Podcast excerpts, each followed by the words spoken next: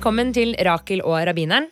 En podkast hvor jeg, Rakel, en ung norsk jøde, skal dykke litt dypere inn i det jødiske universet med rabbiner Yav. Sammen så skal vi se på litt forskjellige temaer i jødedommen og prøve å gi dere et innblikk i hvordan vi jøder utfordrer, diskuterer, forstår og bruker tekstene våre.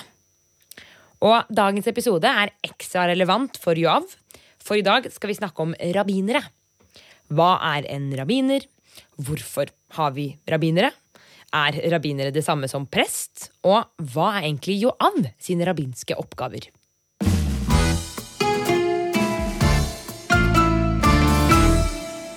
Når man hører ordet rabbiner, så tenker man ofte å ja, det er jo jødenes prest eller imam.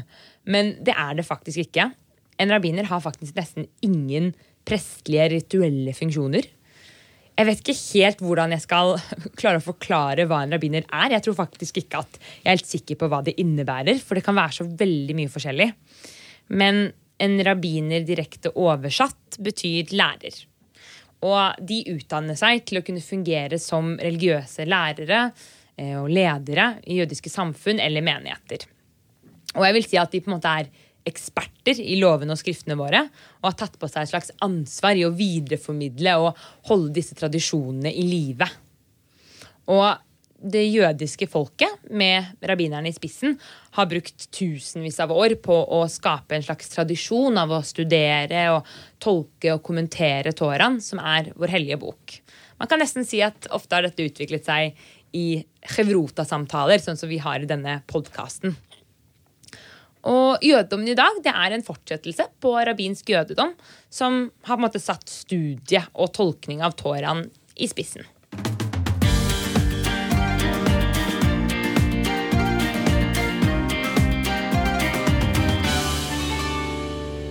Så Joav, når og hvor oppsto denne rabbinerrollen i jødedommen, egentlig? Rabbinerrollen går helt tilbake til uh, Moses, som er Moshe Rabbeinu på hebraisk, vår rabbiner. Eh, og det er også interessant når man tenker på Moses, eh, så tenker man eh, noen ganger på lederen som, som ledet folket ut av Egypt, eh, samtalen han hadde med farao, eh, måten han ledet folket gjennom ørkenårene. Men i vår minne så er Moses først og fremst vår lærer, vår rabbiner. Han som lærte oss Toraen og innholdet i dette, som hans eh, elever eh, underviste videre til den Toraen eh, vi har i dag. Som vi også kaller Torat Moshe, Toraen vi fikk fra Moses. Så han er først og fremst vår rabbiner. Jeg tror det, det oppsto helt der. Og helt fra starten, interessant nok, så var det en fordeling av eh, funksjonene, eller si, fordeling av maktene. At det skal ikke være samme person som både er den som leder eh, av læreren eller er ansvarlig for innholdet, og også er den som gjennomfører ritualene. Eh, Så når man hadde helligdommen i, i ørkenen og senere tempelet, så var det Aron, broren til, til eh, Moses, men også hans etterkommere, som var våre kohanim, prester. For de gjorde gudstjenesten, de gjorde ritualene rundt eh, alt som hadde av hellig tjeneste i tempelet. I gamle dager var det mest ofringer og, og andre ting rundt det. Og det skulle ikke rabbinerne lede. Det var en egen hellig funksjon som ikke er avhengig av at du er flink til å snakke, men at du er påpekt til å gjennomføre dette. Og så skal samtalen om helligdommen være separert. Og det begynner med, med Moses, og etterpå mange andre profeter og senere rabbinere, som har vært eh, de som har ledet innholdet i jødedommen. Men det er jo litt rart å tenke på hvorfor må det være adskilt? Hvis Moses på en måte var vår rabbiner, han fikk jo Toraen og skulle lære dem bort. Man vil jo si at han var på en måte eksperten på alt av tradisjoner og lover og skrifter. Og så er det ikke han som utfører det rituelle og spirituelle i jødedommen. Ja, Det er et interessant spørsmål. Jeg har kanskje ikke tenkt på det på den måten du, du stiller det nå. Kanskje det er viktig at ikke én person gjør alt. ikke sant? Hvis eh, man har en leder, la oss gå over til sivilt, hvis du har en leder som både er eh, den som gjør lovene, er regjeringen og skal eh, være dommer, det funker ikke. Derfor har vi fordeling. Men, men det er litt av det samme også i det religiøse. Tenk at du har én person, til og med en perfekt person som Moses. Eh, eller nesten perfekt person. Ingen person er perfekt. Eh, og han gjør alt så vil ingen kunne si 'jeg kan også gjøre det samme', for jeg er ikke Moses. Eh, eh, og, og, viktigheten er å forstå at vi kan fortsette samtalen, men også tjenesten er ikke avhengig av en hellig person som er så nær som perfekt igjen som mulig. Nei, det er noe som fordeles til forskjellige. Det er riktig at det var, det var presten som gjennomførte tjenesten. Det var ikke, heller ikke alle, men alle kunne være med på samtalen. Hvordan skal gjøre, hvordan tolker vi tårene. Og så var det noen spesielt utpekte som ledet tjenesten på vegne av alle. Ok, Så vi har ikke prester i jødedommen i dag på samme måte. Men for ja, over 2000 år siden, når det var denne tempeltiden, og vi hadde både altså rabbinere og prester, hva var de forskjellige funksjonene i praksis? Hvordan fungerte de på en måte side om side i samfunnet? Jeg tror det funket litt på, på, på den måten Moses og Aron Boren eh, eh, fordelte det. At, at, man hadde levende diskusjon mellom rabbinerne, eh, samtale eh, osv. Men det var helt naturlig at det var prestene og man hadde også politikk der, som eh, hvem skulle være den, hvem skulle gjøre hvilken tjeneste. Men, men det, det, var en veldig tydelig fordeling. Men det som var mest, kanskje mest eh, eh, interessant, er det som skjedde når tempelet falt. Mm. Fordi at folket var vant til å ha disse tre forskjellige typer ledere. Rabbinere, som nevnt. Eh, prestene, som var de som ledet tjenesten, og selvfølgelig kongene, eller de som hadde den politiske makten. Det var heller ikke rabbinerne eller prestene, prestene som gjorde det. Og med en gang tempelet falt fra en, en, en, situasjon hvor hele det jødiske folket var samlet rundt tempelet, men også med konge og, og, og, og, prester som gjorde tjenesten, så hadde man ikke noe tempel. Har man ikke noe tempel, så har ikke disse kohanimene disse prestene noen funksjon lenger. Kongene har selvfølgelig ikke noe, noe funksjon lenger, for det var ikke noe selvstendig jødisk eh, stat. Og de eneste som sto igjen, var rabbinerne. Og er det godt for jødedom eller dårlig for jødedommen? Det kan noen analysere, men det har gjort at den rabbinske delen av jødedommen har blitt veldig sentralt. Fordi to, i 2000 år så har alt gått rundt eh, rabbinerne som personer men, men diskusjonen om Tora og læringen av Tora, eh, som har blitt kjernen i jødedommen eh, Det er kanskje gjort, du, du nevnte rabbinsk jødedom, kanskje det som har ført til at vi er rabbinsk jødedom i dag. Ja, Så når tempelet falt og funksjonen til disse prestene, koanimene og kongene forsvant, så var det nesten som om rabbinerne fikk et slags ansvar de måtte ta på seg å videreformidle tradisjonen og læren, hvor de da var det de som holdt fast på jødedommen? Hva ble på en måte deres funksjon og tempelet falt? Hvordan utviklet den rabbinske rollen seg videre? Ja, e- En av problemene var at, at, det var balanse mellom de forskjellige tingene. Som kanskje ikke alltid var perfekt, men det var det man var vant til. Ja. Og, og rabbinene, jeg mener, ledet det jødiske folket i en veldig god retning i forhold til, de, til tanken om at man kan fortsatt tro på Gud, tjene Gud, uten tempelet som var rammen for det før. Man kan fortsatt be Gud om tilgivelse uten at man kan komme med en tilgivelsesofring. Eh, eh, fordi at Gud er der fortsatt, verdiene er der fortsatt. Så, så, alle påbud og alle regler i Toraen som kan gjennomføres uten et tempel, det fortsatte jødene selvfølgelig med. Men også de tingene som falt bort, de fikk en verdi ved at ok, vi kan ikke Eh, eh, gå i tempelet og gjøre det, men vi kan lære om det, og vi kan fortsette ideen. Mm. Eh, og det er der Det er ikke bare for prestene så var, Du kan ikke gjøre noe uten tjeneste. Du kan ikke lede en tjeneste når du ikke har tjeneste. Eh, men, men, de jødiske verdiene har på den måten levet videre i når jøder var spredd ut i verden. Eh, så man både har det som samler oss, et håp på at tempelet igjen skal bygges, men også at vi samler oss rundt disse verdiene som eh, eh, rabbinerne og Torah-studiet eh, ledet videre. Hvorfor trengte man egentlig en rabbiner i det hele tatt? Hadde jødommen fungert uten rabbinere? I tempeltiden så var det viktig å ha rabbinere, fordi uten at du har en, en, frihet i måten å tolke og finne verdiene i, i det praktiske mm. tjenesten, så kan det praktiske bli veldig hard. Hvis vi sånn gjør vi, og sånn vet ikke hvorfor, men vi gjør det bare. ikke sant? Eh, eh, som den gudstjenesten vi kjenner i dag i synagogen. Som igjen ikke ledes av rabbinerne. Så man har ikke prester i synagogen, men man har at enhver forsamling kan velge den som skal lede enhver gudstjeneste. Det kan være en rabbiner, men det kan like godt være hvem som helst annet. Fordi at, at tjenesten og, og, kontakten med Gud skal man fortsette med. Og så er rabbinerne ansvarlig for lærdommen av det. Stille spørsmål om det. Hvordan skal vi be om morgenen, hvordan skal vi be på shabbat, hvordan skal vi be på helligdager, hva er meningen med det ene og det andre? Og skape denne viktige diskusjonen om hva vi gjør, som er hvordan skal vi gjøre det, og hvorfor skal vi gjøre det, eh, eh, som, som har levd også etter tempelets fall.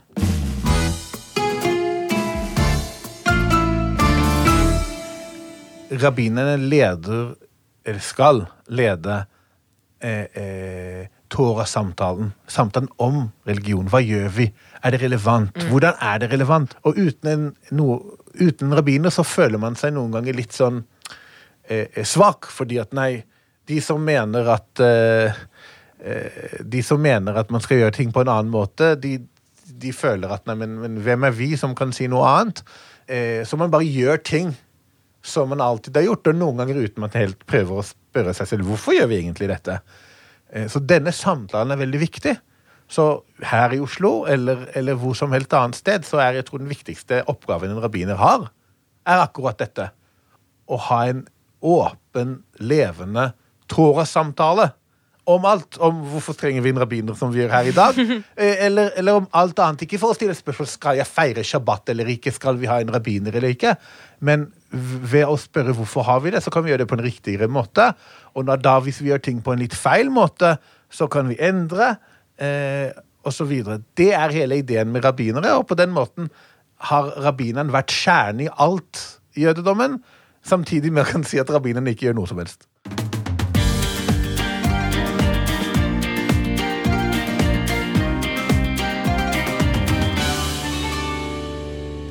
Hva gjør egentlig en rabbiner i dag? Hva er rabbinernes fysiske oppgaver i en menighet eller i et jødisk samfunn? Det er et godt spørsmål, fordi det er veldig, veldig forskjellig. Mm. Rabbiner som ansvarlig for eh, lærdommen og for Torah-studiene, kan ofte fokusere akkurat på dette. Det vil si lede skole, ikke som rektor, men litt mer å være med på, på, på å lede innholdet. Ha undervisninger til eh, i forskjellige studiesirkler, holde taler i synagoge, og alt som har med, med, med studiet av Torah å gjøre.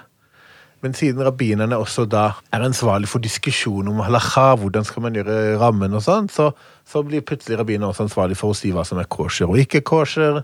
Mm. Eh, og på den måten kan jeg finne meg selv eh, gå rundt i forskjellige anlegg i Norge for å se produksjonslinjene, for å se hvis de gjør ting i den riktige måten eller ikke riktig måte, for at vi kan kunne spise kosher, eller fordi at fabrikkene ønsker å sende det til USA eller til Israel og vil ha en stempel på at det er kosher, som er veldig langt borte fra å gå eh, og sitte med barn eller med voksne og studere sammen. Og sånn går det i veldig mange forskjellige sider av det jødiske livet.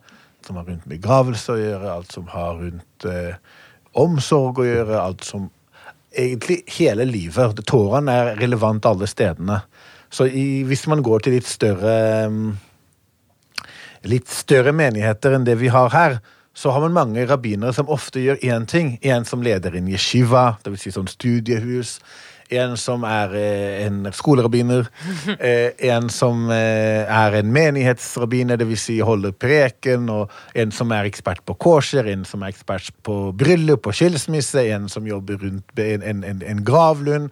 Rabbinere kan ha veldig tydelige funksjoner, selv om de lærer samme tåra i utgangspunktet. Eh, og det er litt, liksom litt morsomt for meg å være rabbiner her i Oslo. At man må gjøre alt fordi vi har en litt mindre samfunn, og man kan ikke ha en rabbiner for hver eneste av disse funksjonene. Og da er man involvert i alt. Det er jo ikke bare bare å bli rabbiner. Hvordan er liksom løpet for å kunne bli det? Hvordan ble egentlig du rabbiner? Ja, men Jeg kan svare på begge spørsmål som de stilte her. Mm. Ja, det er ikke lett å bli rabbiner. Fordi at uh, heldigvis så er Tåren stor og rik. Eh, jeg kan fortelle en hemmelighet. Heller, heller ikke rabbinere har hatt mulighet til å gå gjennom alt og kunne alt, for vi lærer hver eneste dag eh, litt mer.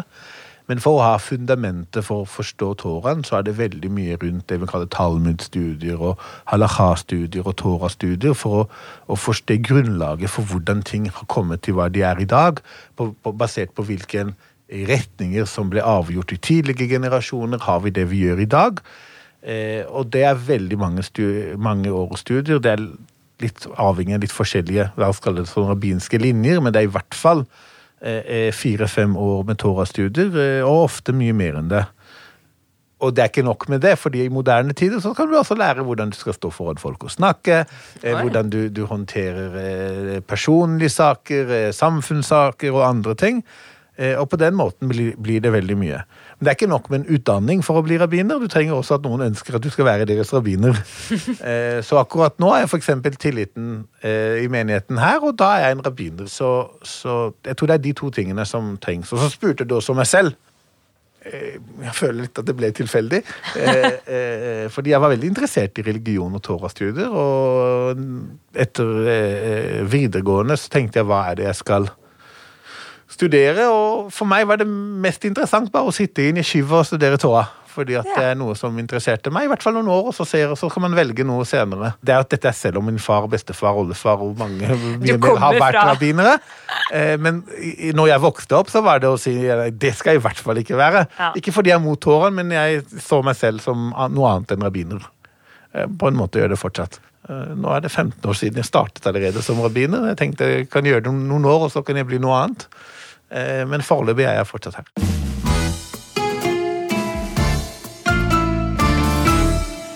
Jeg håper vi har klart å gjøre det i hvert fall litt tydelig på hva en rabbiner er.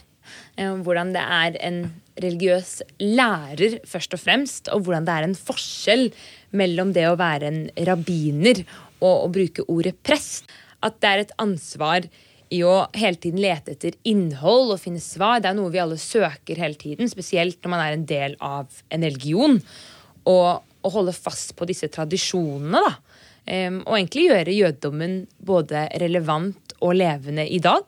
2000 år etter at tempelet falt. Ja, vi, vi har eh, veldig kjent i, i, i tradisjonen Du skal fortelle dine barn. Mm.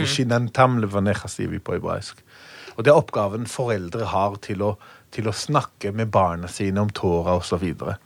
Men da, hvis man da zoomer litt ut og ser samfunnet, så vil det være rabbinernes oppgave å sørge for at denne generasjonen snakker tåra, og at det føres videre til at man også skal snakke tåra i neste generasjon. Og ikke at bare vi er jøder fordi vi er jøder.